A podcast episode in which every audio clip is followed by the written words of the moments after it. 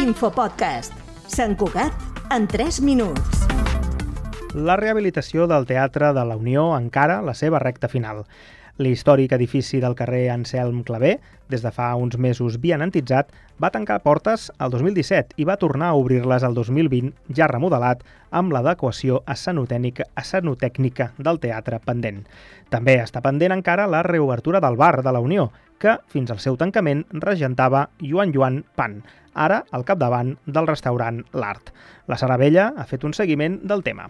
Sara, explica'ns per què està tancat avui en dia el bar. Doncs mira, en el moment que l'Ajuntament va tancar l'equipament per enderrocar-lo, l'any 2017, la Joan Joan va rebre una indemnització de 50.000 euros a compte dels dos anys que l'activitat no es podria exercir mentre duressin les obres. A més, segons ha explicat la Joan Joan a Cugat Mèdia, el Consorci també es va comprometre a una bonificació del 50% del lloguer per cada mes de retard de les obres.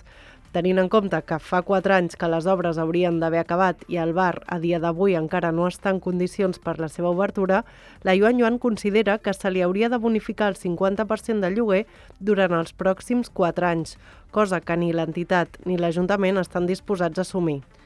I, I per què hem arribat fins aquí? És a dir, què ha provocat aquest desacord entre el Consorci i la Joan Joan?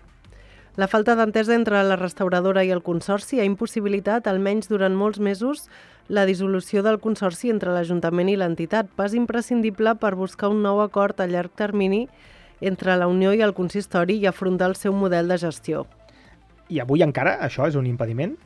Doncs mira, a dia d'avui és possible que les desavinences de la Joan Joan amb el Consorci ja no tinguin incidència en la dissolució del Consorci, ja que ella mateixa va trencar aquestes relacions contractuals que la unien al Consorci mitjançant un burofax previ a la demanda per danys i perjudicis que els hi ha interposat.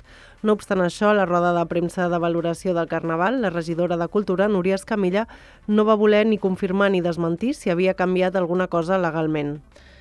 Per tant, veurem si això eh, ha canviat o, o no ha canviat. Ho veurem segurament els, els propers dies. I quan es tornarà a obrir el bar de la Unió? Podem mm. dir-ho? Doncs no hi ha una data al calendari, però el que sabem segur és que primer s'haurien de fer els treballs pertinents, ja que l'espai del bar encara no està habilitat pel seu funcionament, i després s'hauria d'obrir un concurs per atorgar la gestió.